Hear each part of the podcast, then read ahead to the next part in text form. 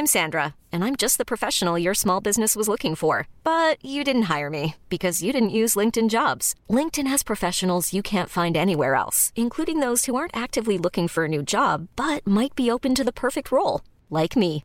In a given month, over 70% of LinkedIn users don't visit other leading job sites. So if you're not looking on LinkedIn, you'll miss out on great candidates like Sandra. Start hiring professionals like a professional. Post your free job on linkedin.com/achieve today. Tell me, Mr. Franklin, have you ever known anyone with Alzheimer's? No. I'm going to give the people what they want sensation, horror, shock. Send them out in the streets to tell their friends how wonderful it is to be scared to death. Wow. Beneath its glassy surface, a world of gliding monsters. Välkommen till skräckfilmscirkeln. Idag dyker vi djupt ner i de blåvågiga vattnen i en gott och blandat mix av vetenskaplig nyfikenhet och skräcklig adrenalinkick. Vi ska ut med våra vetenskapsmän, försöka hitta Alzheimers och sen så blir vi eh, upptuggade. Välkommen till ännu ett av våra älskade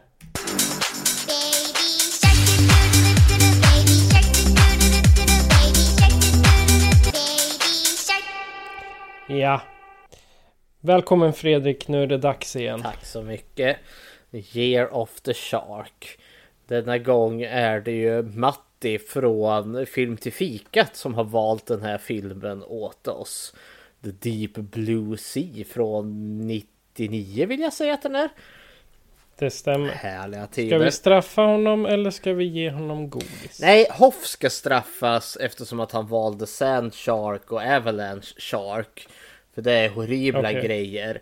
Men Deep Blue Sea, nej, eh, inget straff till Matti. Den här är som Nej. han själv uttrycker det, den är mysig.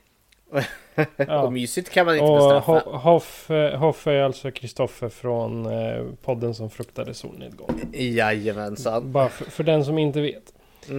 Men eh, hur är läget med dig i övrigt? Det är väl helt okej. Eh, lite, lite trött och lite sliten. Det har varit lite mycket på senare tid. Men utöver det så är det helt okej. Hur är du själv? Det är bara bra. Jag har lyckats eh, få igång min Nextory eh, mitt Nextory abon- abonnemang igen. Så jag har lyssnat på nio böcker sedan i måndags. Ja, sen förra måndagen på en vecka då. Så det har varit rejält. Eh, det har varit mycket. Allt ifrån att eh, jaga internetskurkar till eh, eh sci-fi äventyr. Så att eh, jag, jag har läst mycket böcker. Det är vad jag har gjort. Ja, men i vanlig ordning tänkte jag kolla här. Har du sett något intressant sen sist? Jo, det har jag. Jag fick en fantastisk affisch här från Claudia. Som har varit här och gästat flera gånger. Senaste gången i vårat The Innkeepers. Av... Nej, inte Innkeepers. Då var det ju Anders som var med. Nu kommer jag inte ihåg när hon var med senaste gången. Men när vi pratar om psykisk ohälsa och djävulskap då brukar hon få Ja. vara med. Haunting of Brian Beckett va? Nej, hon har, det, det var första avsnittet hon var med. Hon har varit med flera, hon har varit med så många Sak gånger så det har vi... Nej men jag satt ju kattvakt till hennes katter där. Eh, och då som tack så fick jag en affisch med eh, som har sådana här eh, skraprutor precis som en, en trisslott. Fast istället för jag hitta triss i pris att vinna här så skrapar man fram, vad heter det, filmtitlar istället. Och det är hundra stycken allt som allt.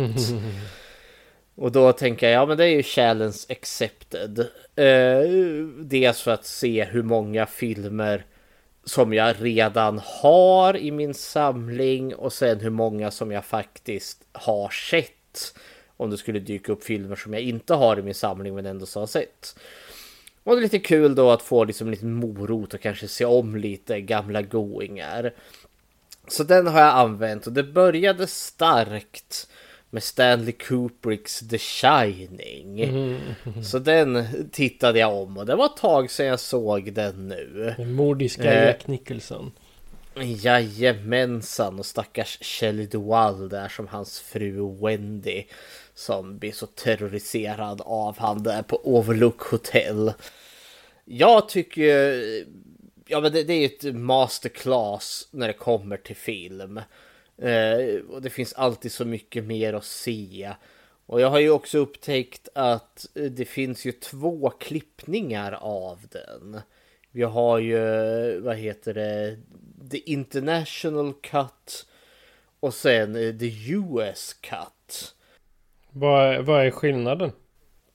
Den, eh, det är 25 minuter som skiljer dem åt. Oj. Eh, eh, och, eh, och det är faktiskt The International Cut som är den kortare. Den som jag alltid har sett innan. Eh, ja, för att det var den som kom till oss internationellt. Medan den amerikanska liksom, originalklippningen är nästan 25 minuter längre. Vilket jag kanske lite fördomsfullt brukar tänka att ja, men när det kommer till Amerika då ska det vara kort och koncist för att de är tjocka och dumma och förstår ingenting. men nej. Eh, och det är väl kanske liksom mer då The Directors Cut eller något sånt där. Så det var ju kul att bara se om den för att liksom se de här nya scenerna som fanns med. Inte för att de direkt liksom tillförde något spektakulärt nytt, men det gav ju lite mer kött på benen till storyn. Så heppeli hepp. Ja. Ja, och sen nästa som jag skrapade fram det var då Motorsågsmassakern. Så då såg jag om den igen. och den tåls alltid att ses tycker jag. Jag, jag gissar att det är eh, originalet då och inte remaken. Nej, det var uh, Tub Hoopers eh, original där från 74. Okej. Men det, det är vad jag har sett då. Ja. Jag har faktiskt inte tittat så mycket på tv överhuvudtaget. Men som jag sa så har jag ju lyssnat på böcker. Och jag har lyssnat på eh, tre böcker utav Marcus Sköld. Eh, bland annat en som heter Kalldrag. Och då är det en eh, tjej, Therese heter hon. Hon har tröttnat på sitt jobb som ekonom i Stockholm. Och hennes man han får chansen att bli VD för orten Gränshammars eh, stålindustri. Ett, eh, ett järnbruk från första början. Och de flyttar då till eh, direktörsvillan som ligger vid foten av Lyktberget. Vilket är mitt i. Och gruvan här har tydligen en väldigt mörk historia. För drygt 60 år innan boken skrivs då så sprängde en grupp gruvarbetare av, säger jag, misstag in. Och innan man hann eh, rädda dem så hade en av gruvarbetarna slagit ihjäl alla sina kompisar. Det är som eh, My Bloody Valentine. Ja, ungefär. Men den här boken är, eh, eller de böckerna han har skrivit överhuvudtaget, de utspelar sig i lite bruksmiljöer, arbetarklass. Sen finns det en annan bok som, som jag också, men också lyssnade på. Eh, nu ska vi se vad den heter. Skuggfödd. Den är också lite mörk. Så man kan säga att det är en blandning utav eh, lite folktro korsat med arbetarklass och så lite eh, skräck då. Och för den som känner igen eh, namnet så skrev han även Beck-Anders stuga till eh, Creepypodden. Ja, så men det var creepy spännande i alla fall. Han har fy... Ja, jag har läst alla, allt han har skrivit nu. Eller läst. Eh, och sen eh, är det, finns det en eh, person som kallar sig för Alex K. Skade. Det här är en dokumentärbok. Det är en tjej som lärde sig hacka när hon var liten. Och under drygt tio år så jagar hon pedofiler online. Ja, så och till slut så vart ju hon, det satte sig på hennes psyke till slut. Det är alltså en självbiografisk bok. Och det satte sig på hennes psyke till slut för att eh, jag menar, det är ju väl, om hon då hackar sig in på deras servrar så får hon ju också se vissa saker som ingen människa vill se egentligen. Men alltså om jag förstår rätt så hon hackar sig in i pedofilringars eh, ja, databaser där det finns Ja. någon misstänkt pedofil som fildelar sånt. Ja. Eh, Och sen läcker hon det till polisen sen? Ja, hon hade satt dit en eh, väldigt eh, stor delare i eh, Norge. Tydligen. Hon jagade honom i under tio års tid. Hon kunde liksom säga, hon hade hittat var han bor, hans familj. Och så skickade hon in allting till polisen. Hörde ingenting, hörde ingenting, började må dåligt av det. Men sen tre år senare så kommer en, eh, får hon eh, reda på då att han eh, hade redan två domar mot sig. Så att det är ju lyckat. Men det, den är fantastiskt spännande den boken. Jag bara tog, den hette Jakten. Bara. Så jag, jag tänkte, ja, men jag, jag, jag kollar på den. Så hopp, ja, ja, det var bara att fortsätta läsa för jag kunde inte sluta. så jag har inte tittat på någon direkt eh, film eller så. Utan ja, fotbolls-VM. Det var lika spännande det. Tror jag det. Ja, Ja, jag, jag lyckades faktiskt mitt under straffläggningen på, i åttondelsfinalen. Då satt jag på ett dop. Mm. Ja okej. Så- Ja, nu- Jag hörde till att vi spelar in det här lite i förväg så nu vet vi inte riktigt hur det ser ut eh, när det här avsnittet kommer ut. Nej, vi vet ju inte vilka som har vunnit VM helt. Men det här var ju Nej. åttondelsfinalen för Ja. ja, två veckor sedan och sånt där. Men så är det.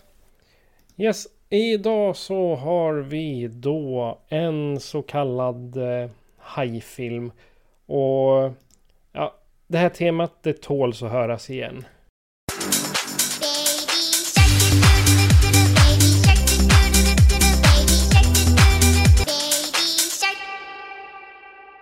Och tack vare Matti då så ska vi in i den mysiga filmen Deep Blue Sea från 1999. Och innan vi spelar en trailer där så har vi en litet meddelande. This is a spoiler warning. Alert! Spoiler alert. This is a spoiler warning. Alert! Spoiler alert.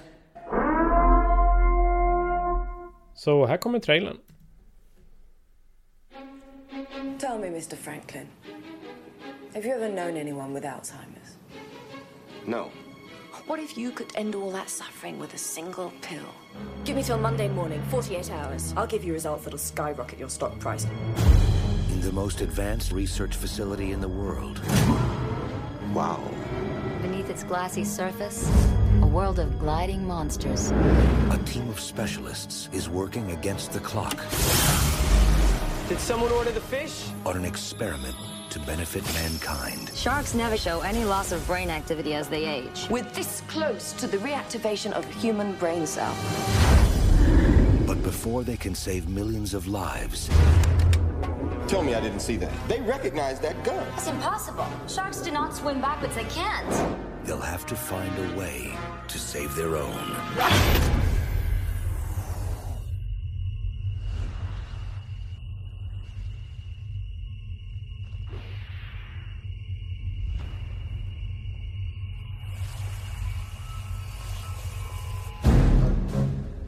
Just what the hell did you do to those sharks?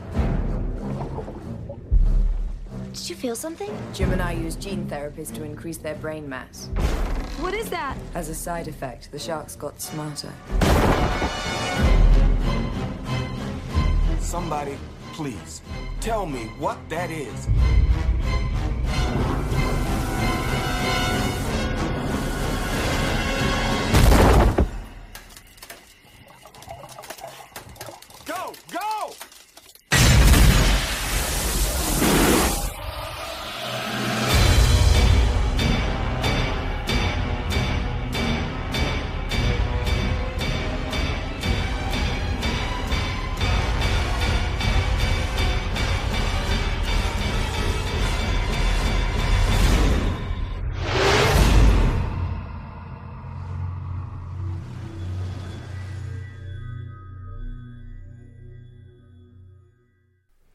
För att hitta ett botemedel mot Alzheimers manipulerar en grupp vetenskapsmän fem hajars hjärnor vid undervattenslaboratoriet Aquatica.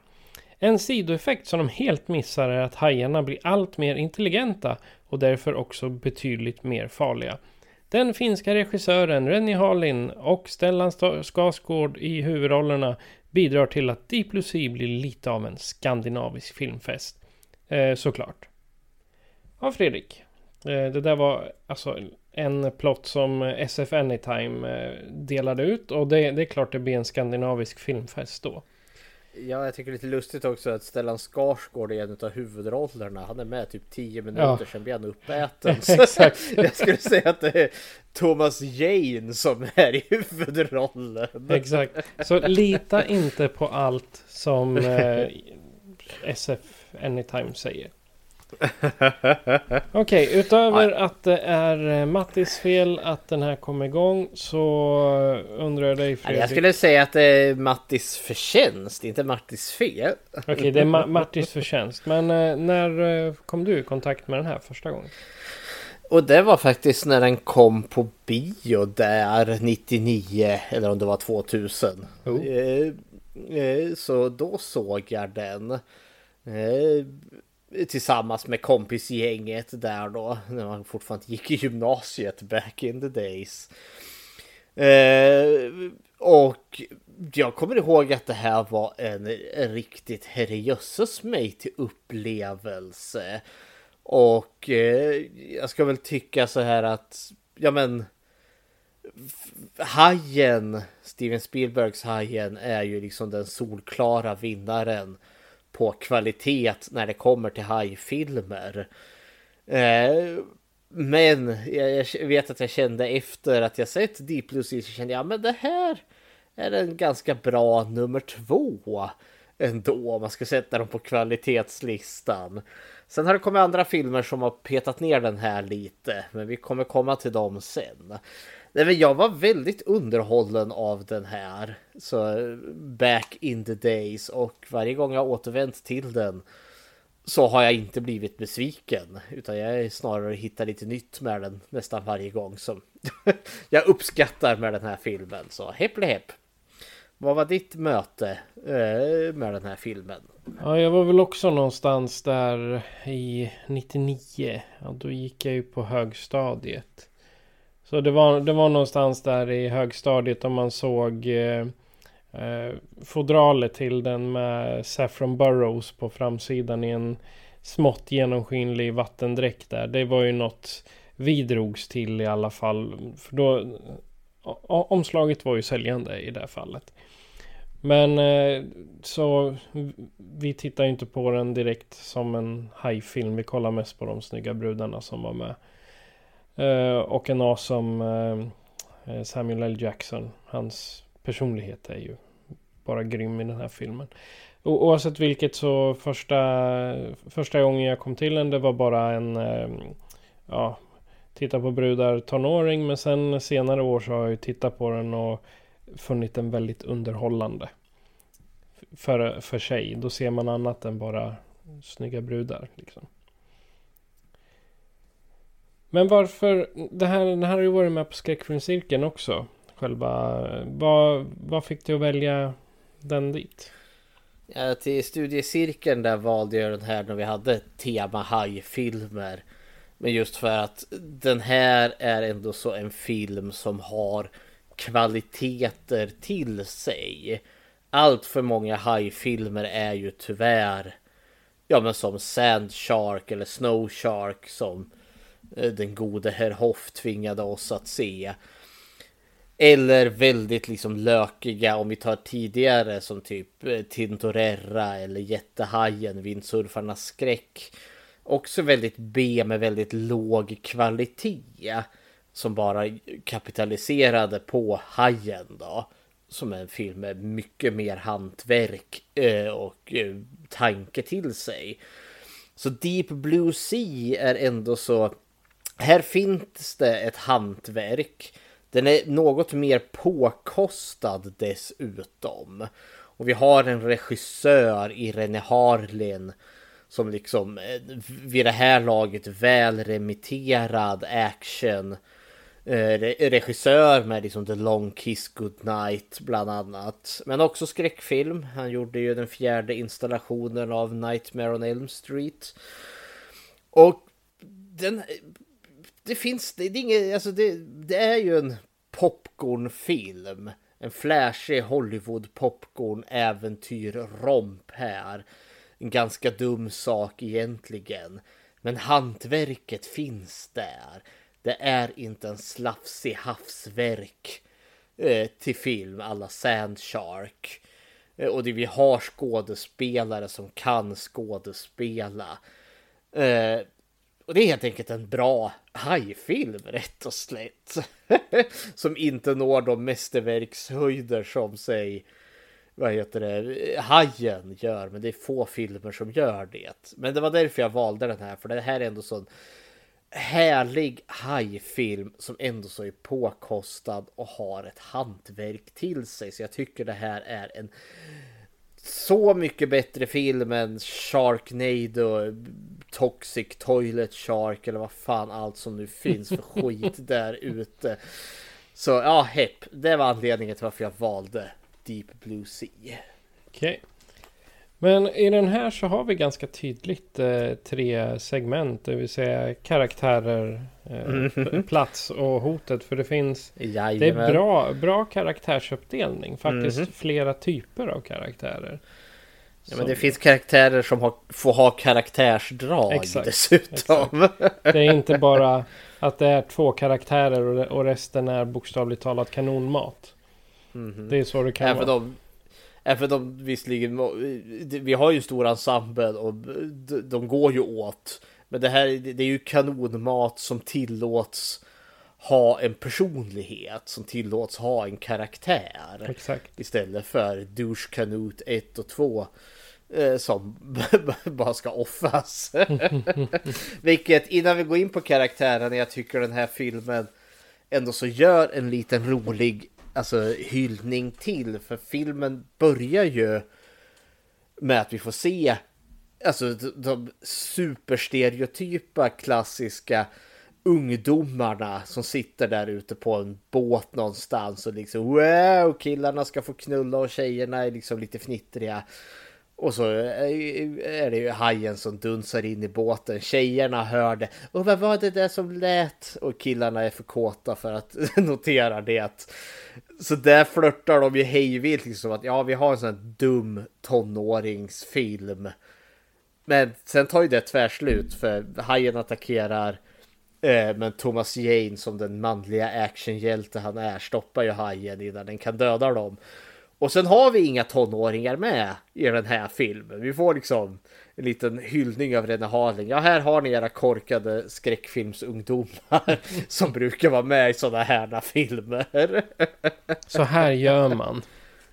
Ja, och det känns också lite för att den här kom ju ändå så med reviven utav skräckfilmerna i kölvattnet utav Scream. Och där är det ju tonårs-slasher. Så det, det, känns som att det var en liten koppling åt det hållet. För den här är ju inte en tonårs-slasher. Utan går ju ett helt annan riktning sen. Så hepp hepp. Yes. Men eh, mm. karaktärer då? Vi har ju en, eh, ett helt gäng att välja på här. Vi har ju det. Uh, har, alla har ju någonting att tillföra om man mm. går från... Nu är, nu är jag på IMDB och tittar. Men, ja, vi kan väl egentligen bara ta dem i, i den ordningen de ja. kommer eller? I, betal, i, i bäst betald ordningen är väl det man kan ja, säga. Men från Thomas Jane till Ada Tuturo. Ja. Vi kan väl bara nämna dem vid namn först. Vi har ju först Carter Blake och spelad av... Nej, Carter, ja, Carter Blake, ja, han är spelad av Thomas Jane. Även känd från, eh, vad heter det, Eureka är han med i också. Jag brukar mest alltid tänka på eh, The Punisher. För det finns mm. en Punisher-film som kom typ 2004 som jag tycker är riktigt, riktigt bra. Mm. Ja, Eureka brukar... är någonstans där också. Mm.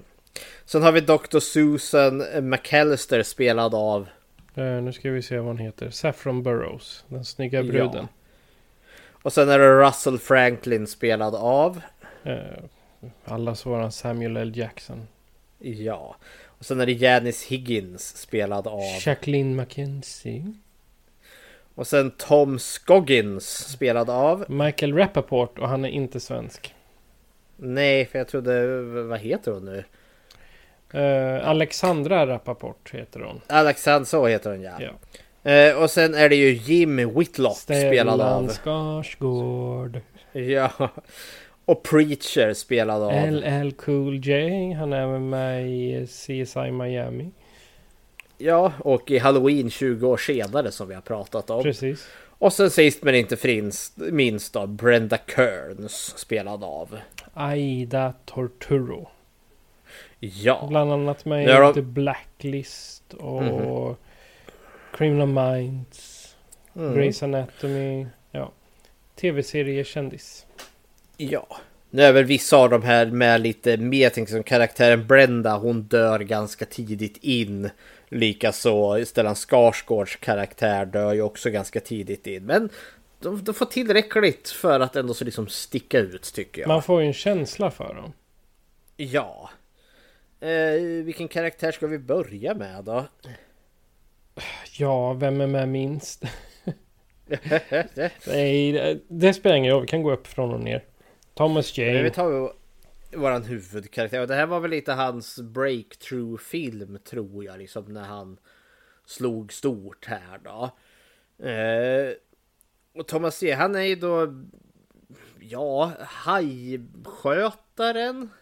Någon form av, eller han som, the animal wrangler eller vad man kallar det. Att det. Han har ju koll på hajarna. Eh, som jag tolkar det. Eh, och en jävel på att simma i vatten. Ja, han är väl eh, the, the ultimate, eh, ultimate vattenforskare om jag förstår det rätt. Men han är väl ingen forskare alls utan att han är ju liksom han, eh, vi får ju reda sen att han har ju ett rap sheet. Alltså han är ju, han är ju suttit två år i fängelse för smuggling. Ja, just det. Eh, får vi ju reda på. Så han har ju liksom ett shady past. Men så har han fått det här jobbet då som ett väldigt riskfyllt jobb i och med att han är i vattnet tillsammans med de här hajarna. Men han är ju så duktig på det så jag, jag det, det, det är någonting i hans backstory som fattas lite. Jag känner liksom hur Visst, eh, han är en man som kanske skulle behöva det här jobbet eh, och för att få den här chansen i och med att han har haft en eh, ja, lite dåligt i karriären här innan. Men han kan ju inte bara vara random kriminell. eh, Som, han har ju någon form av hur han liksom så orädd han är i vattnet och hur han kan simma kring de här hajarna. Han har ju någon sån signature, alltså han har ju någon move där hajen kommer upp bakom honom och precis när den ska hugga då gör ju han något form av krumskott så han hamnar bakom hajen och kan grabba tag i dess fena så han liksom nästan rider på hajen. Det är ju någonting som återkommer i den här filmen. Och eh, ja, så någon form utav haj äventyrsexpert är han. Uh, när man, när man lät, läser på, eh, på någon sån här wiki för just Deep Blue Sea så anses han vara en shark wrangler, alltså hajbrottare. Ja. Och orsaken till att han kommer in där det vet han inte. Han har bara, han har bara smugglat. Ja. Nej men eh, han byggs ju också upp. Han är ju våran actionhjälte här. Eh, Det är en ganska sympatisk actionhjälte ändå. Det är inte den här supertestosteronmannen alla Rambo som kommer in där.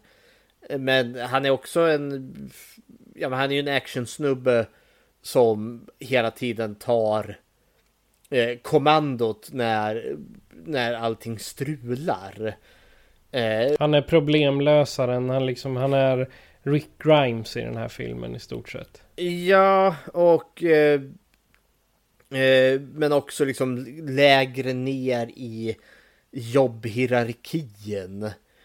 Eh, för han är ju inte bland professorerna som experimenterar på hajarna utan han är ju den som hanterar hajarna. Ja. Men så blir han också problemlösaren när ja, allt går åt helvete sen. Och han är också den här liksom självuppoffrande. Det är han som sätter sig själv i fara för att liksom, ja men eh, kunna hjälpa någon annan. Eh, och så vidare och så vidare. Så ja men en riktig actionsnubbe man, men ganska sympatisk ändå tycker jag.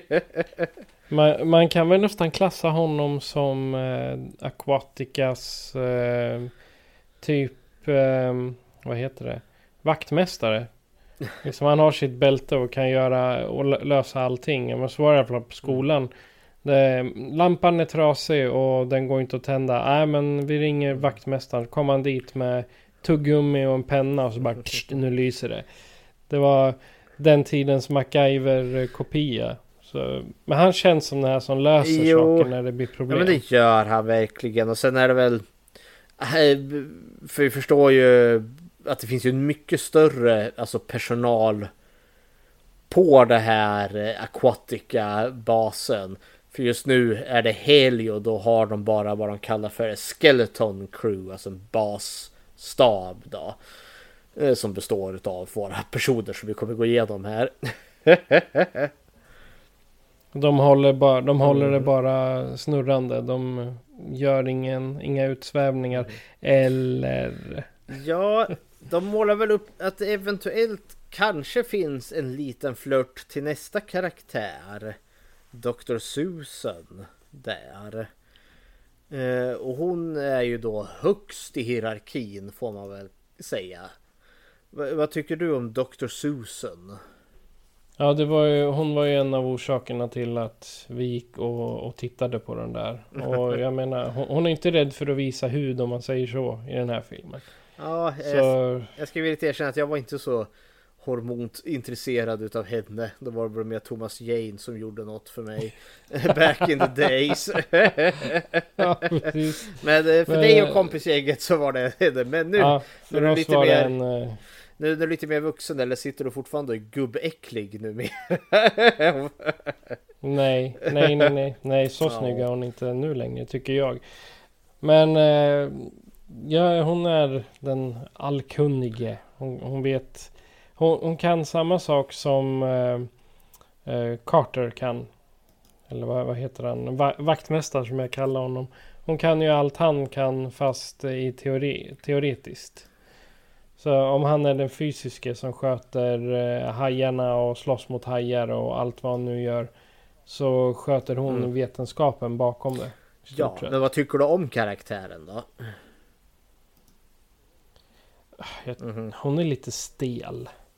Jag måste säga. I alla fall eh, I alla fall i början. Sen när det börjar hetta till. Då kan man väl säga att de mjukar upp lite. Och framförallt Ja, tuffar alltså till hon sig. är ju orsaken till allt. Eh, hon är ju... Hennes pappa eh, dog i Alzheimer, får vi reda på. Eh, och det var smärtsamt värre, vilket den sjukdomen gärna är för anhöriga. Och då har hon då vigit sitt liv här nu att hitta liksom lösningen på Alzheimers gåta. Eh, och där då verkar liksom då komma ifrån ett protein som de man då kan utrynna från eh, hajarnas, är det någon del i hajarnas hjärna här då? Eftersom att hajarna ska ha någon fantastisk förmåga för det. Men alltså, så hon, hon är ju en kvinna med, med ett mission. Eh, och ett väldigt eh, lovvärt sådant. Men sen är det ju det att hon som sagt hon, hon är stel på det sättet i och med att hon har ju en hemlighet. Hon har ju inte skött, hon har ju inte hållit sig inom de riktlinjer eh, som man har sagt utan man har ju gått utanför. Eh, ja, man fick ju inte genmanipulera hajarna. Eh, var ju ett av eh, dealsen här som hon hade. Och det har de ju gjort. Det är ju det som är upprinnelsen till all skit som blir sen. Så det blir det. Hon har ju en hemlighet och ett tag här så blir det ju liksom att hon måste hålla det här hemligt och hon blir nästan lite kall och nästan, eh, nästan lite cynisk där. Eh, för att ja, men forskningen måste räddas. Damn the consequences. Så hon är ju lite av en Dr. Frankenstein-esk karaktär som har skapat ett monster och inte riktigt insett konsekvenserna av det. Så hon, är, hon har ju väldigt personligt, alltså personliga mål med det här. Det är inte den forskningen som eh, man kan säga att en, eh, en barn, nu säger jag vanlig forskare inom citationstecken. Men en forskare som eh, bara har fått anslag. Det här är ju verkligen person, personligt för henne. Det är ju för att få upprättelse mot hennes släkting. Och jag menar, hade du en vanlig, en, en eh, situationstecken vanlig Alzheimers forskare, då hade du kanske bara varit utbildad inom neurologi eller liknande och vill utveckla ditt område. Mm. Ja, men jag tycker att hon, eh, för jag tycker ju det här är ett behjärtansvärt, eh, vad heter det, eh, sak hon gör det för. Det är liksom, eh, och jag köper också det att hon verkligen vill hitta en lösning här. Det är inte den här onda rovkapitalisten eh, som är ute efter att liksom hitta eh, en jävla massa pengar på det här, även om det skulle vara en konsekvens av det såklart. Så känns hon ändå så genuin på det sättet. Men hon eh, har gått för långt och kanske inte riktigt sett varningssignalerna eller så har hon det. Men har valt att blunda för det. Och nu under filmens lopp så kommer det ju tillbaka i hennes ansikte här och liksom smäller. Men jag har för mig liksom att det har gjorts rewrites och sådana saker för, för den här karaktären eh, mottogs väldigt negativt i testscreenings. Eh, eh, så liksom man har målat ner henne lite för jag upplever att hon får inte helt och hållet det här redemption arc som hon borde få. Eh, för, för, för jag vill tycka bättre om den här karaktären men det känns som att det fattas scener där man har klippt bort. För jag sitter aldrig direkt under filmens lopp och aktivt hejar emot henne. Hon gör dåliga val, det gör hon. Men jag upplever henne, hon är inte Burks från Aliens som är liksom ett nattsvart hål av slemmighet. Eh, utan hon har, liksom, hon har gjort dåliga val. Eh, och ja, det tar lite tid för henne liksom att inse vidderna av det, vad hon har ställt till med. Eh, så, men jag förlorar aldrig sympatin för henne. Och hon, det är också en del i den här, för hon är ju verkligen med nästan till slutet av den här filmen. För hon dör ju sen. Och det var också sån här liksom, för det byggs också liksom precis som när filmen flörtar lite precis i början och tonårs slasherfilm. Så är det också, hon bygger upp henne som en eh, ja, men, eh, hjälteperson. Och bygger också liksom upp att ja, men Carter och Dr. Susan kommer bli ett love interest. För det är ganska vanligt med en sån här typ av film. Att liksom det är vad lite förväntar. Ja men i slutet kommer de bli ihop. När de har besegrat sista hajen där. Så dör hon. Eh, I en scen där. Som vart liksom hepp. Jaha oj. det kommer jag också ihåg när jag såg den på bio. Att det där chockade mig lite. Att det här var jag inte förberedd på. Och då ska jag höra till att den här filmen redan hade chockat med att avliva en annan karaktär som vi kommer komma till. Också på ett väldigt chockerande sätt som jag heller inte var beredd på. Så den här filmen gör det inte bara en gång utan två gånger förtjänstfullt. Ja, kära värld. Okej, näst på tur är... Nu ska vi se, här är våran Samuel L. Jackson minsann. Jajamensan, Russell Franklin som hans karaktär heter som då är finansiören. Han är väl också, han och Dr. Susan är väl högst upp i hackordningen. Ja, de hackar ju på varandra också. Ja, nej men han är ju där för att överse sina intressen. Han har ju donerat en jävla massa pengar här. Han är ju ägaren utav, vad heter det? Chimera Pharmaceutical. Mm Eh, ett läkemedelsföretag. Så han är väl den egentligen som har eh, där av ekonomiska intressen. Och han är ju där för att eh, ja, den här hajattacken på tonåringarna eh, har ju hamnat i nyheterna och då vill ju han veta vad är det som händer här egentligen.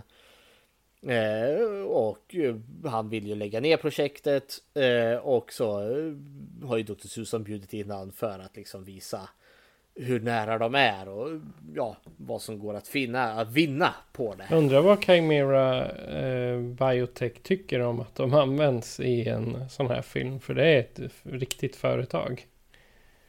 Jaha, se där, se där. Men eh, han, han skulle, man skulle ju kunna gjort den här karaktären till en sån grisig, eh, rovgirig eh, kapitalist här. Men eh, de rovgiriga kapitalisterna lyser lite med sin frånvaro. För även Samuel Jacksons karaktär är ganska likable. Och det känns som att ja, men, han är mer intresserad utav att den här medicinen faktiskt fungerar än att han liksom har dollartecken för ögonen. Uh, och Ja, och han målas ju också upp som att han har ju ett pas. Att han har ju en, något trauma som har hänt i bakgrunden. Där han har varit med i en lavin får vi reda på. Eh, där människor dog. Och det visar sig att det finns ju en hemlighet att Ja, det sades att de här personerna dog i lavinen. Men det var inte det som hände utan de dog på grund av att gruppen eh, inom Bördes börjar slåss. Så två personer dog där. Och det här är en hemlighet han har burit på. Tydligen. Stackars Russell. Stackars Russell.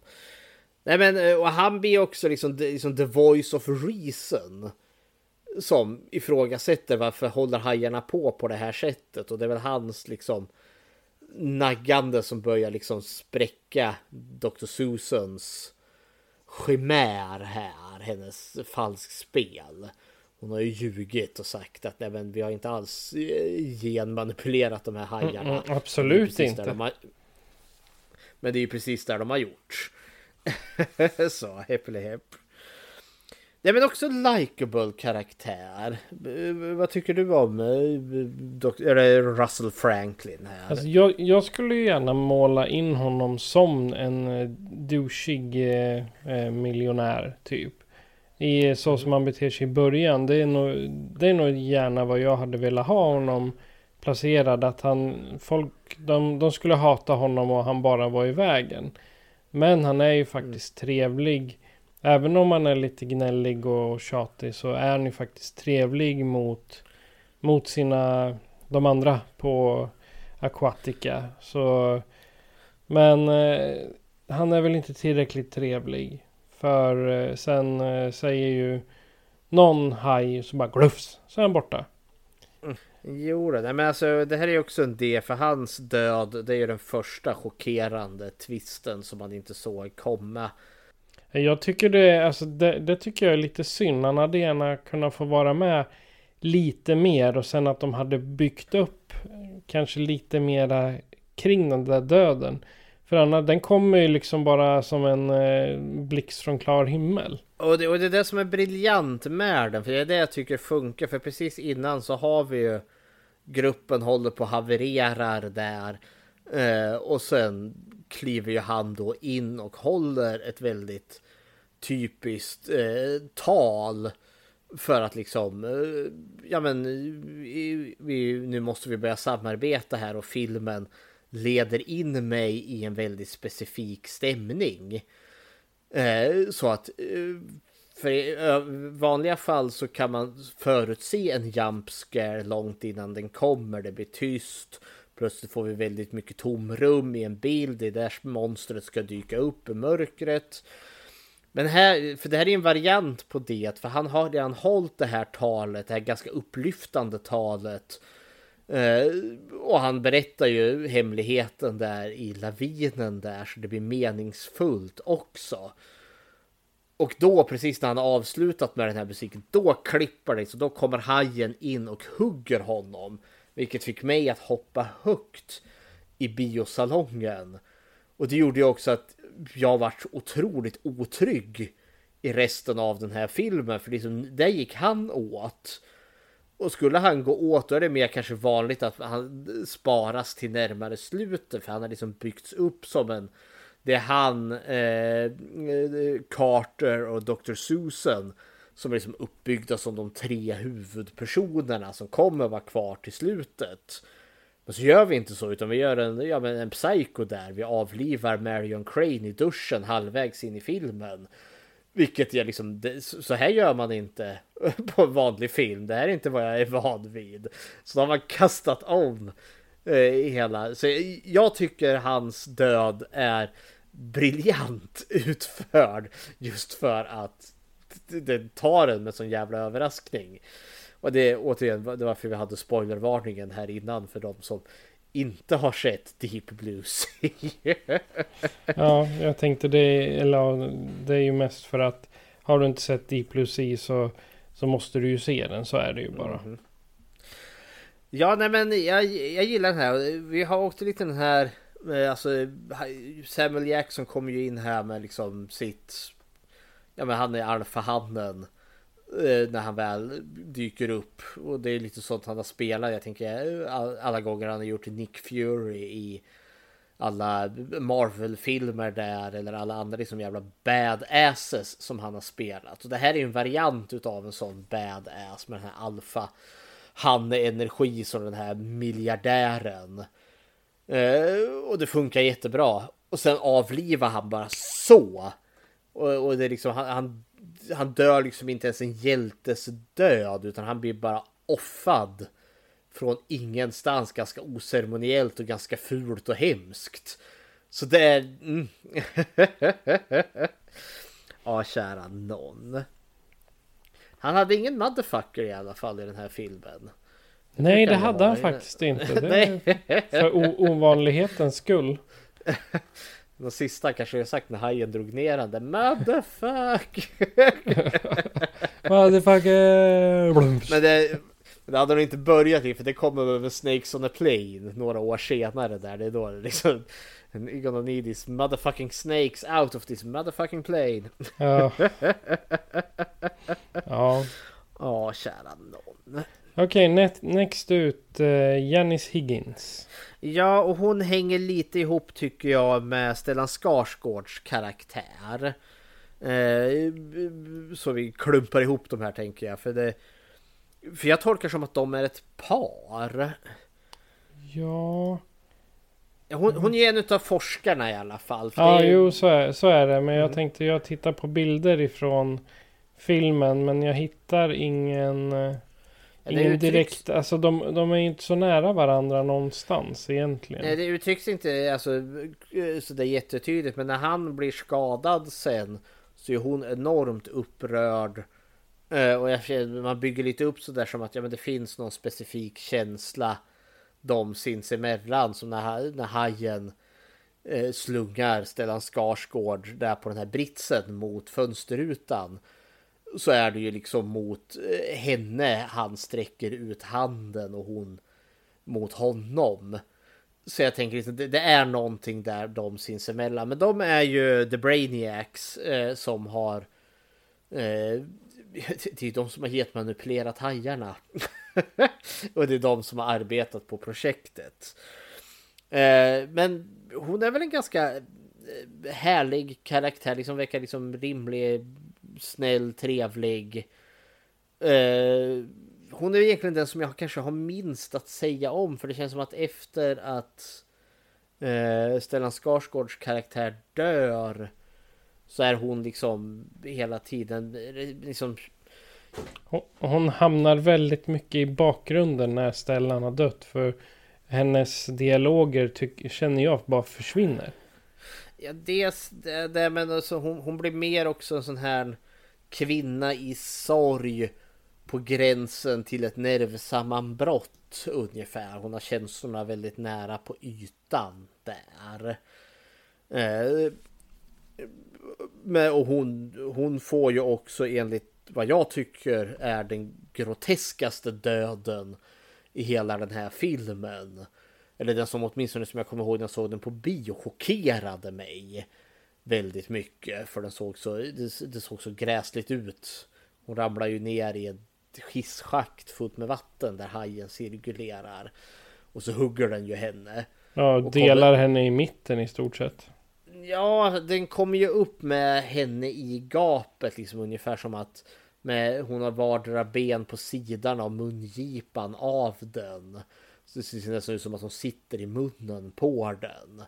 Och det kommer jag ihåg, det såg så groteskt ut. eh, Den lilla stund vi får se när den drar ner henne i djupet. Men Stellan Skarsgårds karaktär då, som är med ganska kort. Vad tycker du om han då? Han är, eh, alltså jag, jag tycker han är precis som Stellan Skarsgård brukar vara. Stor och bara lite allmänt lugn. Ja, han känns lite lätt bufflig tycker jag. Men Ja. det första vi får se är när han står och kissar i motvind. det är liksom som, jaha okej. Men jag, jag tänker, alltså det jag ser honom här är att han Mhm. gör en liknande roll som den han gör i Tjernobyl. Det är också Jag har inte sett lite... Tjernobyl. Nej, okej. Men där tänkte jag en, eh, en stor lugn kluns. Mhm. Så en, en riktig politiker är han Ja, där ja, ja. typ. så, så att han har en, en karaktär som man nästan alltid får spela och det är en Mm. stor bufflig snubbe som inte är rädd för någonting eller som bara är lugn hela tiden. Ja, men han, han ger verkligen så akademiker-vibbar ifrån Ja. sig som att han är den smartaste mannen. Och han vet om det och är liksom inte så intresserad av att kanske förklara sig för folk som inte är på hans intellektuella nivå. Men samtidigt är han inte på någon douchig nivå heller. Men vi, får inte, vi hinner inte lära känna honom särskilt länge heller. Men han, han får ju armen avbiten där i en, en ganska rejält också lite lätt chockerande scen. Men eh, eh, Rappaport då? Ja, han, alltså jag, jag kan inte placera honom vart han har varit någonstans. Så av Ja, men någon är ju- anledning så... I filmen alltså. Jag, Hans eh, placeringar har fallit ur minnet. Men han är ju tech-killen. Ja. Eh, och jag upplever honom som lite mer som the comic relief. Han var ju sån där som jag... På, jag vet eh, Eh, av de karaktärerna som jag inte trodde skulle dö. Det är ju Carter, Dr. Susan och Samuel Jacksons karaktär. Varav två av dem dör och det var chockerande. Medans eh, Jack Lynn, eh, Stellan Skarsgård karaktär och eh, Rappaport det var sådana, så ja men det här är given kanonmat. De har lite den typen utav karaktär. Det är liksom besättningen på Nostromo och Aliens. Det är liksom, ja, jag jag vet att de här karaktärerna kommer inte vara vid liv i filmens slut.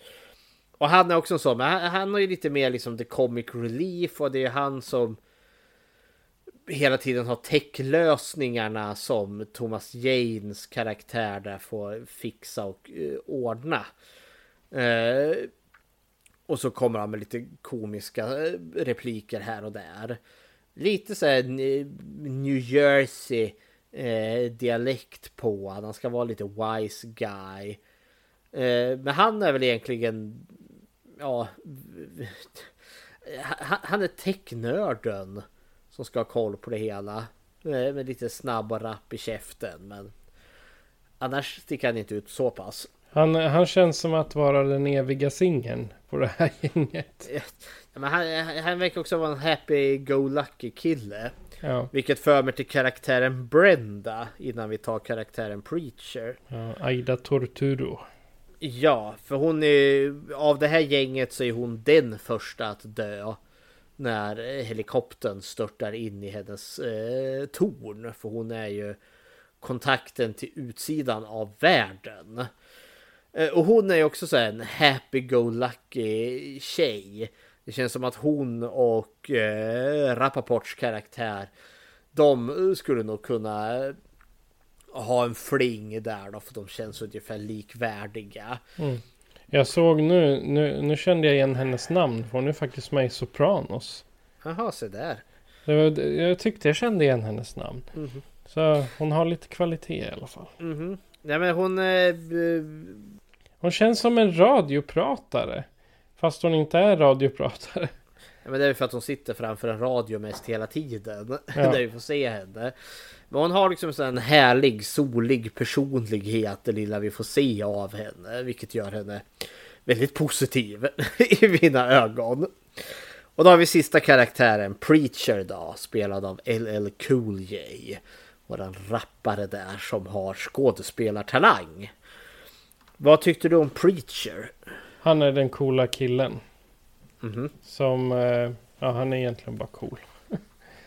så, så bra presterat eh, är, är inte han gör i skådespelarut skåd, skådespelarkvalitet så att säga. Det är, han är mera, han är coola killen som kommer med smarta one-liners.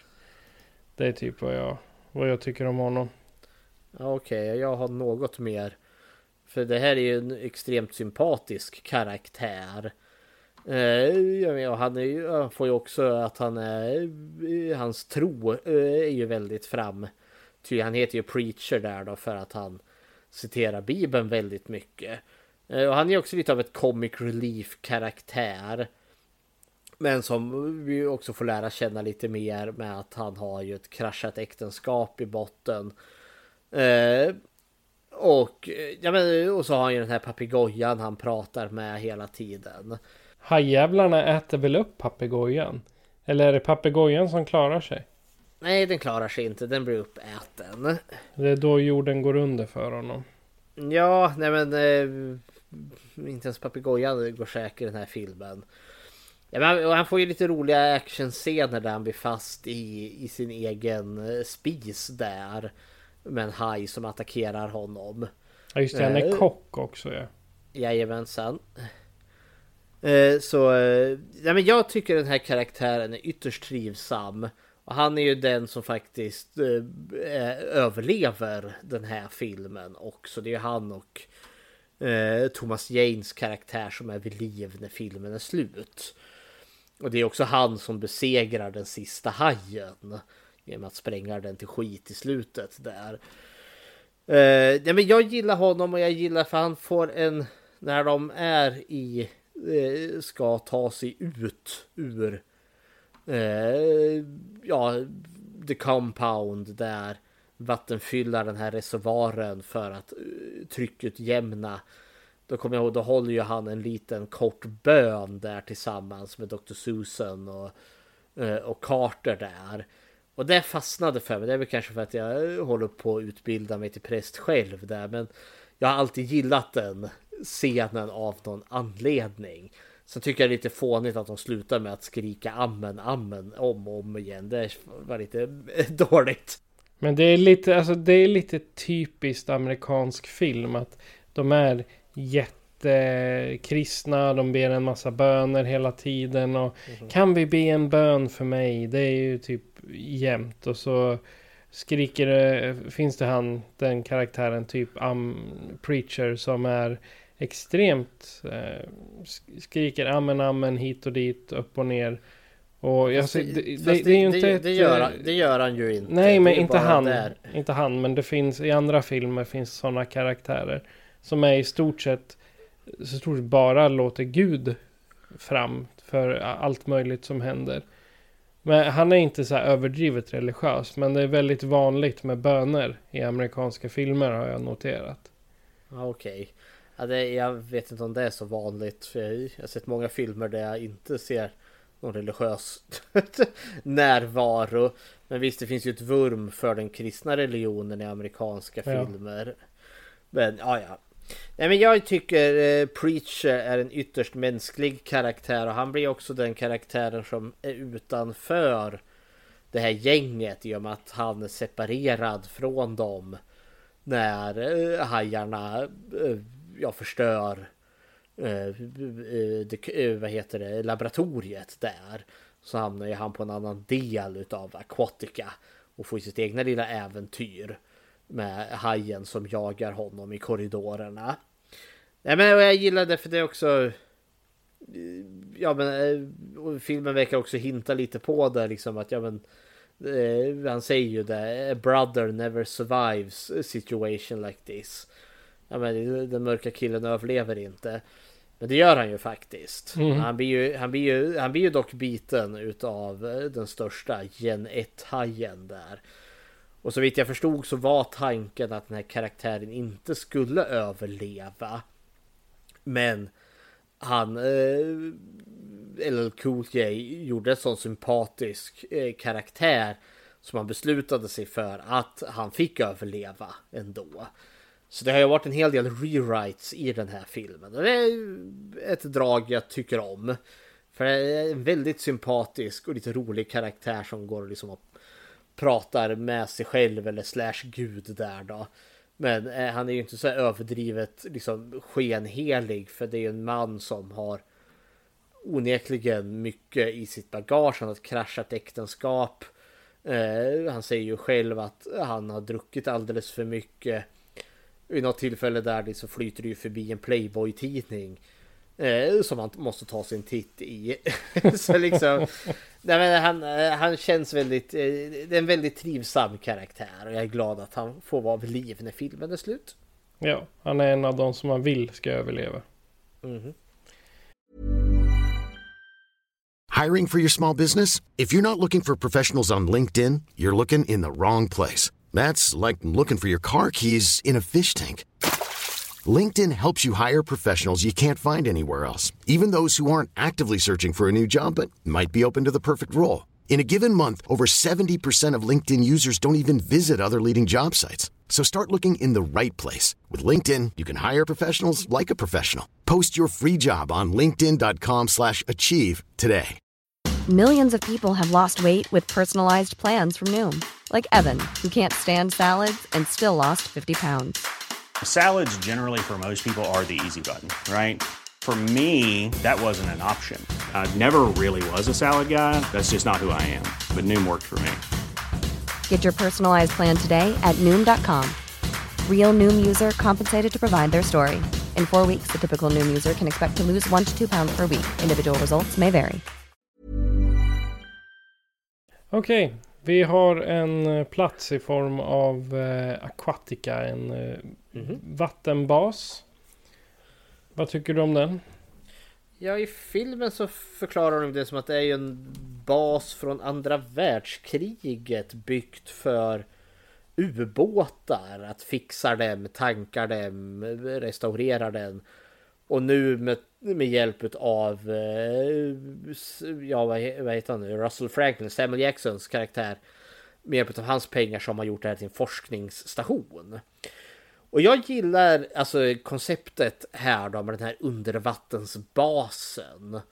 Eh, och hur de blir fast i den sen. För det är liksom, det, blir, det får en lätt klaustrofobisk känsla för liksom att ja, men de kan inte bara simma ut i vatten överallt och sen är hajarna på utsidan och är farliga. Men så har jag också liksom elementet av att ja, men du kan bli fast och drunkna här också. Vilket jag... Och det är också det blir ett smart sätt att ha istället för liksom att ha en haj ute till havs så är det ju så att karaktärerna är fast i den här undervattensbasen och får hajarna in i basen. Det är liksom en begränsad plats där hajarna finns. Eh, vilket lämpar sig väldigt väl för det låter som en ganska på papper ett dumt koncept med en haj som simmar omkring i korridoren men det funkar i den här filmen. Definitivt. Sen tycker jag också, för det, är ju ett, ett element av science fiction i den här, men det känns inte science fiction. Det känns inte som att det är framtidsprylar vi får se här, även om det liksom är påhittat eh, för filmens skull. Men så känns den väldigt jordad, grundad på något vis och vänster. Ja, men det, jag, jag tycker ändå att den där eh, basen, eller vad man ska säga, det är någonting man skulle kunna förvänta sig av vad vi arbetar med idag. Mm. Eh, Jag säger inte på ett negativt sätt, utan jag, jag tycker det är ett väldigt eh, smart in, eh, inrutat sätt. För Mhm. sådana här baser finns säkert. Jag menar ubåtsbaserna måste ju se ut något sånt där. Rent gissningsvis säger jag nu. Jag, är, jag bara killgissar. Det här är, Mhm. det är ingenting jag vet. Så jag, jag säger det. Ja, men att använda den typen av baser för forskning, fine. Och jag skulle gissa på att det verkligen är så i verkligheten också. Att, att de tar baser och gör till platser. Det, det kan jag väl tänka mig. Sen om sådana här undervattensstationer finns på riktigt. Det har jag. Det törs jag inte uttala mig om. Men här är man väl filmskadad. Jag vet inte liksom undervattensstation. Där man reparerar ubåtar. Nej men ubåtar tar man väl i torrdocka De också. Man tankar väl inte dem under vatten.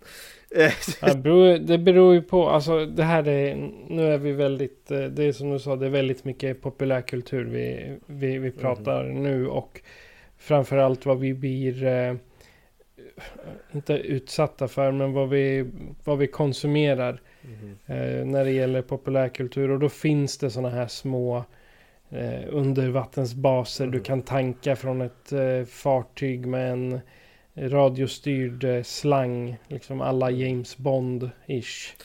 Ja men det är, det är science fiction. För just det där att baser till havs. Då tänker jag ju liksom på oljestationer och de ligger ju ovan havsytan.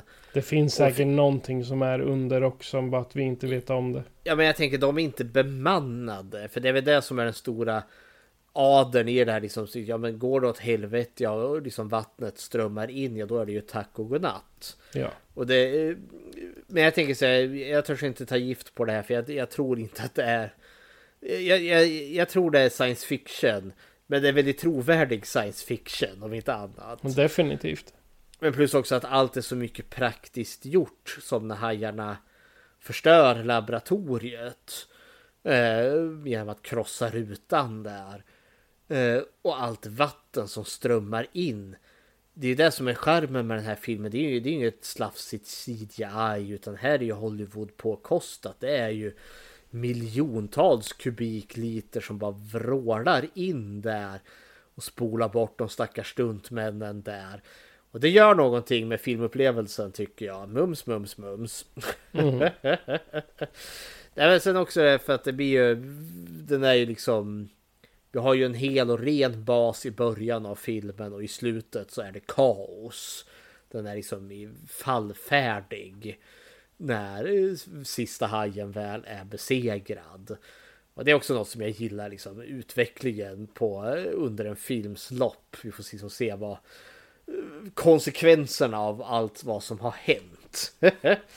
Men jag skulle aldrig en dag i hela mitt liv arbeta och bo under vatten. Det skulle aldrig hända någonsin. aldrig någonsin. Nej. Nej. Gud förbjude. ja. Men eh, ska vi ta och eh, besöka vårt lilla hot? Mm -hmm. Hajarna här.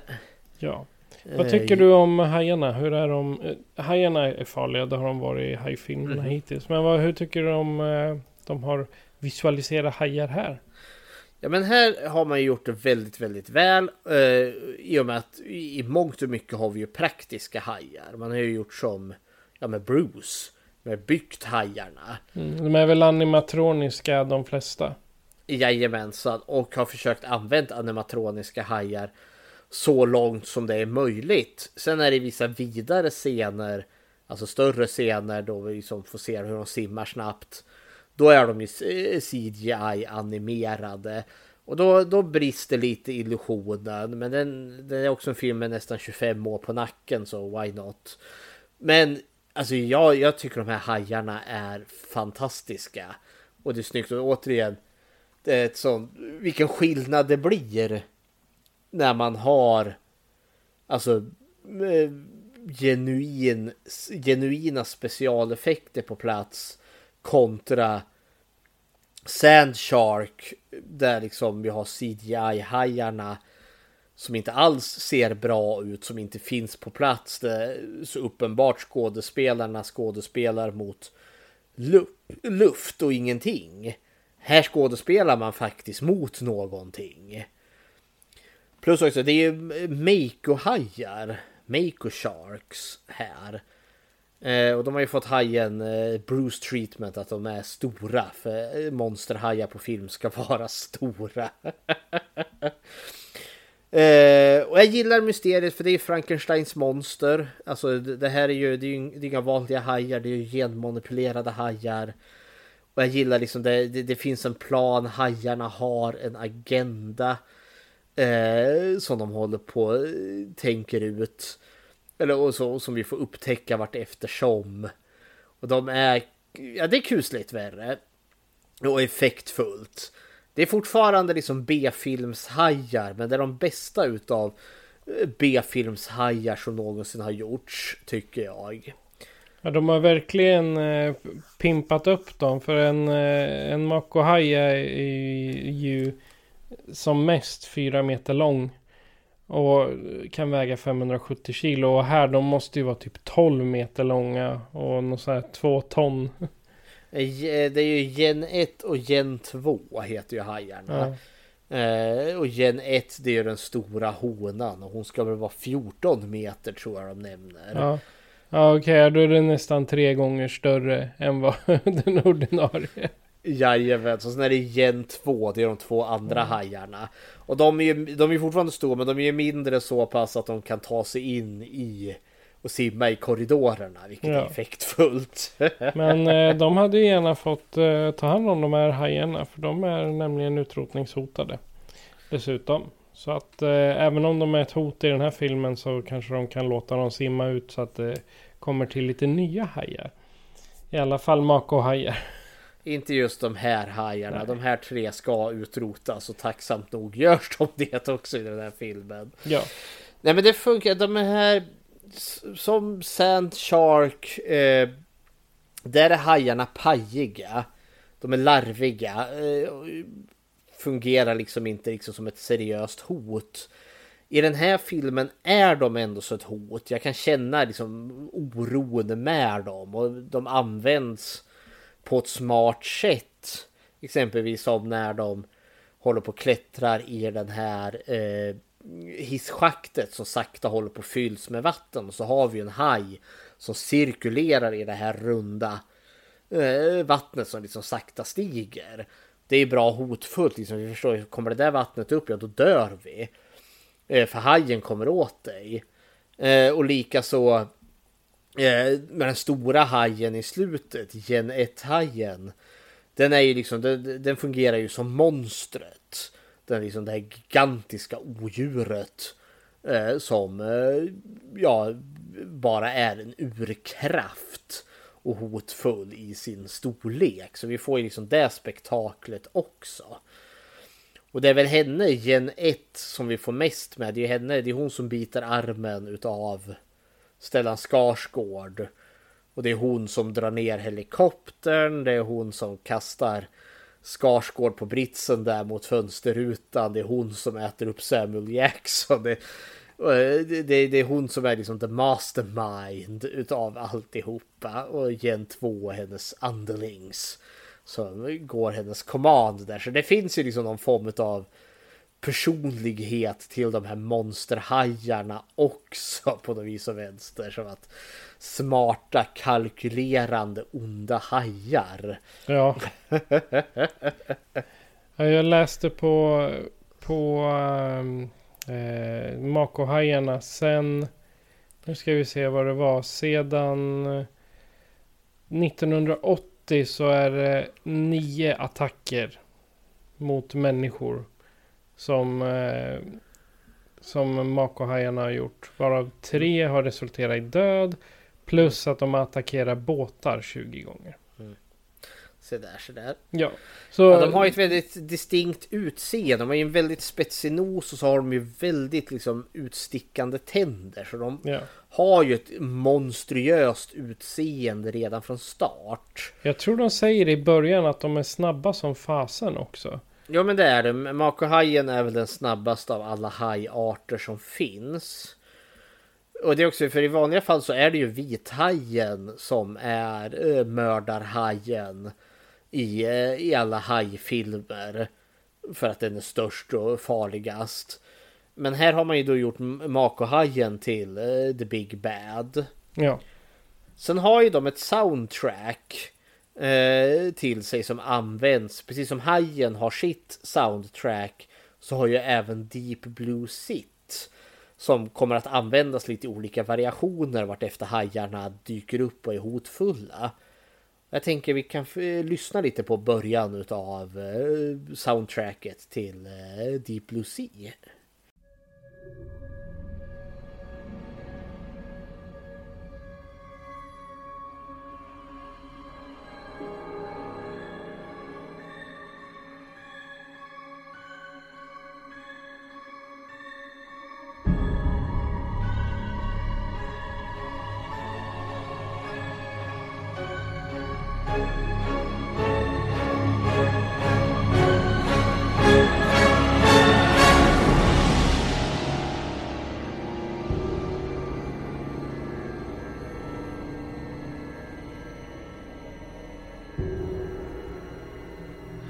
Så, där har vi det.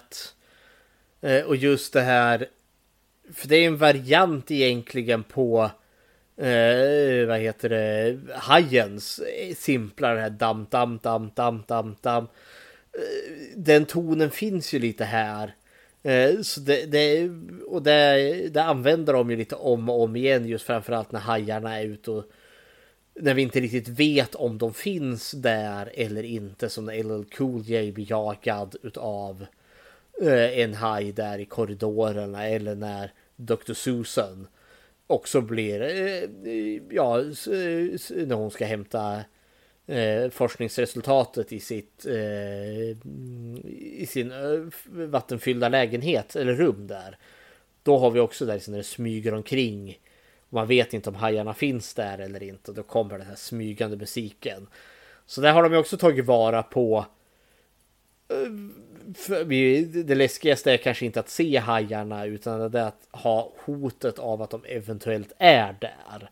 Och Deep Blue Sea lyckas använda det ganska väl med sin, med sin musik här. Okej. Men ska vi ta några slutord på det här då? Mm -hmm. Har du några slutliga kommentarer till Deep Blue Sea? Ja men det här är en väldigt underhållande, alltså popcornfilm. Uh, och det är väl egentligen liksom, det faller ju lätt in under kategori liksom dum underhållning. Men det här är dum underhållning med kvalitet. Det finns liksom Eh, Eh, hårt jävla arbete bakom den här filmen och det finns skådespelartalang. Eh, den är genomtänkt från början till slut. Eh, och det lyser igenom. Och det är det som får den här filmen att sticka ut. Sen är det liksom inget mästerverk på långa vägar. Men shit vad det här är underhållande. Det finns, självklart liksom, kör man en hård syn på den här liksom nagelfarden i sin egen logik, då faller ju filmen isär totalt. Men det behövs inte med den här filmen, för jag kan köpa dess egen premiss och sen bara hur den flyter på. Jag är eh, investerad hela filmen och jag är alltid glad efter att jag har sett den här. För det här är liksom ett härligt Hollywood äventyr, skräckfilm. Så det här får, får lätt en fyra av fem utav mig i betyg. Men samtidigt också det lite vanskligt för liksom jag gav också fyra och en halv till The Rituals som vi såg i förra avsnittet. Men det är också en annan typ utav film. Den var mycket mer seriösare och liksom realistisk. Det är inte den här. Så, så Rituals bedömer jag fortfarande så jävligt bra utifrån sina kriterier. Men det här är liksom dum underhållning. Så bedömer jag den som jävligt, jävligt bra ändå. Fast på sina egna premisser. Eh, och då är det här en stark fyra av fem. Det här är riktigt trevlig underhållning. Okej. Okay. Då så jag... Det här Deep Lucy var ju, är ju en, en liten det är ju en tonårs, eh, ett tonårsminne kan man väl säga. Eh, det här är något man kan gå tillbaka till. Dels när man får se lite retro high. lite retro, sci-fi action, eh, blodigt fart. Och det här är något man kan vila ögonen på om man skulle vara trött en dag eller liksom inte ha någonting annat att titta på. Eh, jag, det är inte min favoritfilm långt ifrån men den är ändå underhållande att liksom hålla ja, e-, en bra första film för den som vill se modernare hajfilmer än eh, Hajen i sig. Och sen hur man nu inte kan vilja se Hajen, det är, det är dödsstraff på om man absolut inte tycker om det. Men eh, jag skulle säga att Diplosi passar bra för den som inte vill se gamla filmer men vill ha sin första hajfilm med lite mera blod. Eller djur, djurfilm överhuvudtaget med lite mera blod. Och med väldigt eh, hög spänning mellan karaktärerna. För det här, det, tekniskt sett så är ju det här ett blodbad med tanke på att eh, sex av åtta karaktärer dör rätt så mm. hyggliga dödar. Och de dör ganska grafiskt också. Ja, precis, det är där, där jag tänker på. Ja, jag sätter nog eh, tre av fem. Det är en mm. mittemellan-film för min del. Mm. Har du gjort något då... Bechteltest? Ja, det har jag gjort. Uh, Bechteltestet är om kvinnlig representation i film. Uh, och vi för ju tesen att skräckfilm är den som klarar Bechteltestet bäst och samtidigt är den som är med rätta utskälld för att ja, ställa kvinnor i väldigt dåligt ljus. Men som sagt, frågorna är ju tre utav Bechteltestet och då är det ju ett Finns det två eller fler eh, namngivna kvinnliga karaktärer? Ja, det gör det. Eh, vi har Dr. Susan. Eh, och vi har Janice. Eh, och så har vi ju Brenda. Eh, fråga nummer två. Möter de någonsin varandra? Ja, det gör de. Samtliga karaktärer möter varandra. Vi har exempelvis eh, Dr. Susans födelsedagsfest. Då är samtliga med där. Fråga nummer tre. När de möter varandra pratar de då om någonting annat än män? Och det var det här som var lurigt för de är med i fler, ja men som på den här eh, eh, födelsedagsscenen. Men då pratar de inte med varandra utan de pratar med andra karaktärer. Med Samuel Jacksons karaktär eller med Carter, Thomas Janes karaktär. Eh, vi har en scen också där Dr. Susan eh, när Janis eh, möter Samuel Jacksons karaktär när han kliver ombord på Aquatica för första gången. Då är både Susan och Janis där. Men då ger liksom Dr. Susan bara Janis en order. Liksom visa eh, Dr. Eh, Samuel Jacksons karaktär runt. Så det är inte riktigt en eh, det, alltså, konversation de har där. Men så kom det senare när innan eh, Samuel Jackson blir uppäten utav Jen Etayen. Då kom det en scen där de båda pratar med varandra och då är ju Janis arg eh, Eh, och anklagar ju eh, Dr. Susan för att ha manipulerat hajarna. Eh, och hon försöker försvara sig. Och så munhugger de varandra där en liten stund innan Samuel Jackson kommer och avbryter alltihopa. Och då är det inga män med i, i ekvationen utan det är ett anklagande och ett försvarande och sen försöka hitta på någon lösning hur de ska ta sig ur därifrån. Så på så sätt med den scenen så klarar då uh, Deep Blue Sea Bechteltestet.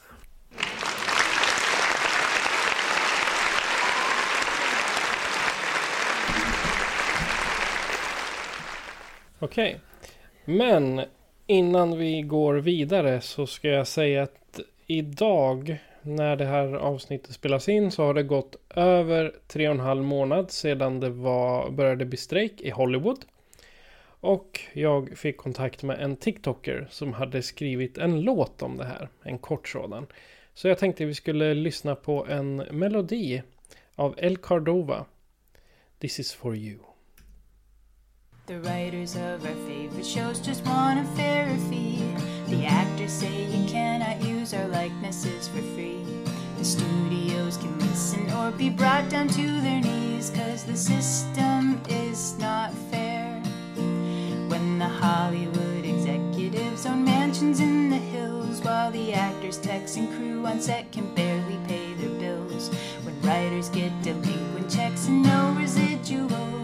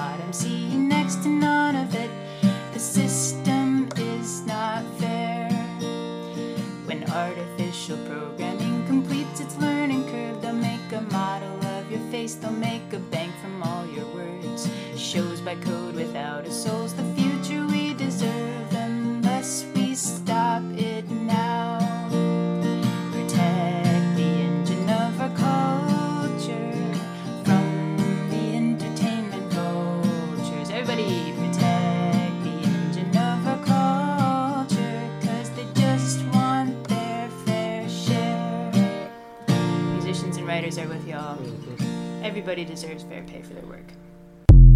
Man kan inte göra något annat än att hålla med där. Det är härligt att höra gamla Joe Hills. Ja. Så nej, men, eh, jag står helhjärtat med på den här strejken. För det är... För annars kan vi inte få dumma men underhållande filmer som Deep Blue Sea Nej. i framtiden. Folk ska, som arbetar inom underhållningsbranschen ska självklart ha sin beskärda del. Ha en rättvis del utav kakan. Herre min ge. Jag Exakt. följer jag följer ju Jamie Lee Curtis på Instagram och hon är ju en förkämpe för, eh, för det här och det känns gott. Skräckfilmcirkeln is with you. Är det som man Mhm. säger? Ja. Men om eh, du som lyssnare då vill skriva på våran petition eller eh, vill eh, se någon annan high-film eller har någonting att säga om Samuel L. Jackson exempelvis. Så här kan ni göra för att kontakta oss. Skräckfilmscirkeln presenteras av Patrik Norén och Fredrik Rosengren. Produktion FPN Productions. Besök skräckfilmscirkeln.com för att hitta var du kan lyssna på oss, hur du kan stödja oss och hur du kan kontakta oss. Vill du diskutera filmerna i avsnitten är du välkommen att gå med i gruppen Skräckfilmscirkeln Eftersnack på Facebook. Tack för att du lyssnar.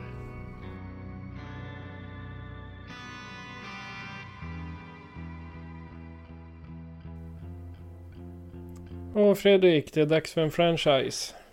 Ja, nu är det dags att avhandla en utav de stora franchiserna och vi kommer viga i stort sett hela hösten och hela vintern till den här franchisen för det finns så pass många filmer i den. Eh, och vi har ju avhandlat några stora redan innan. Vi har avhandlat Texas Chainsaw, vi har avhandlat Halloween. Och nu är det dags för en utav de stora Big Bads här då. Då kan man ju undra vilken. Men vi kan ju vara lite hemliga än så länge. Men kan ju avslöja med att vi kommer aldrig sova igen. Det är något som jag alltid har tänkt på när vi avslutar, men som alltid har glömt bort. Vi avslutar ju alltid med att spela musik. Men det är så många gånger vi inte har sagt vart musiken kommer ifrån. Eller vad det har för koppling.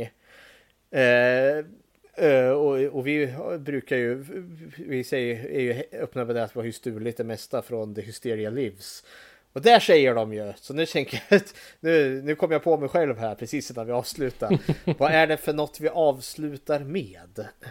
Det här är soundtracket, eller outrot till filmen av LL Cool Ja. J. The Deepest Blue Sea som han gjorde. Exakt. Så- Ja, jag heter Patrik. Och jag heter Fredrik. Du har lyssnat på Skräckfilmscirkeln. Adjö på er. Bye bye!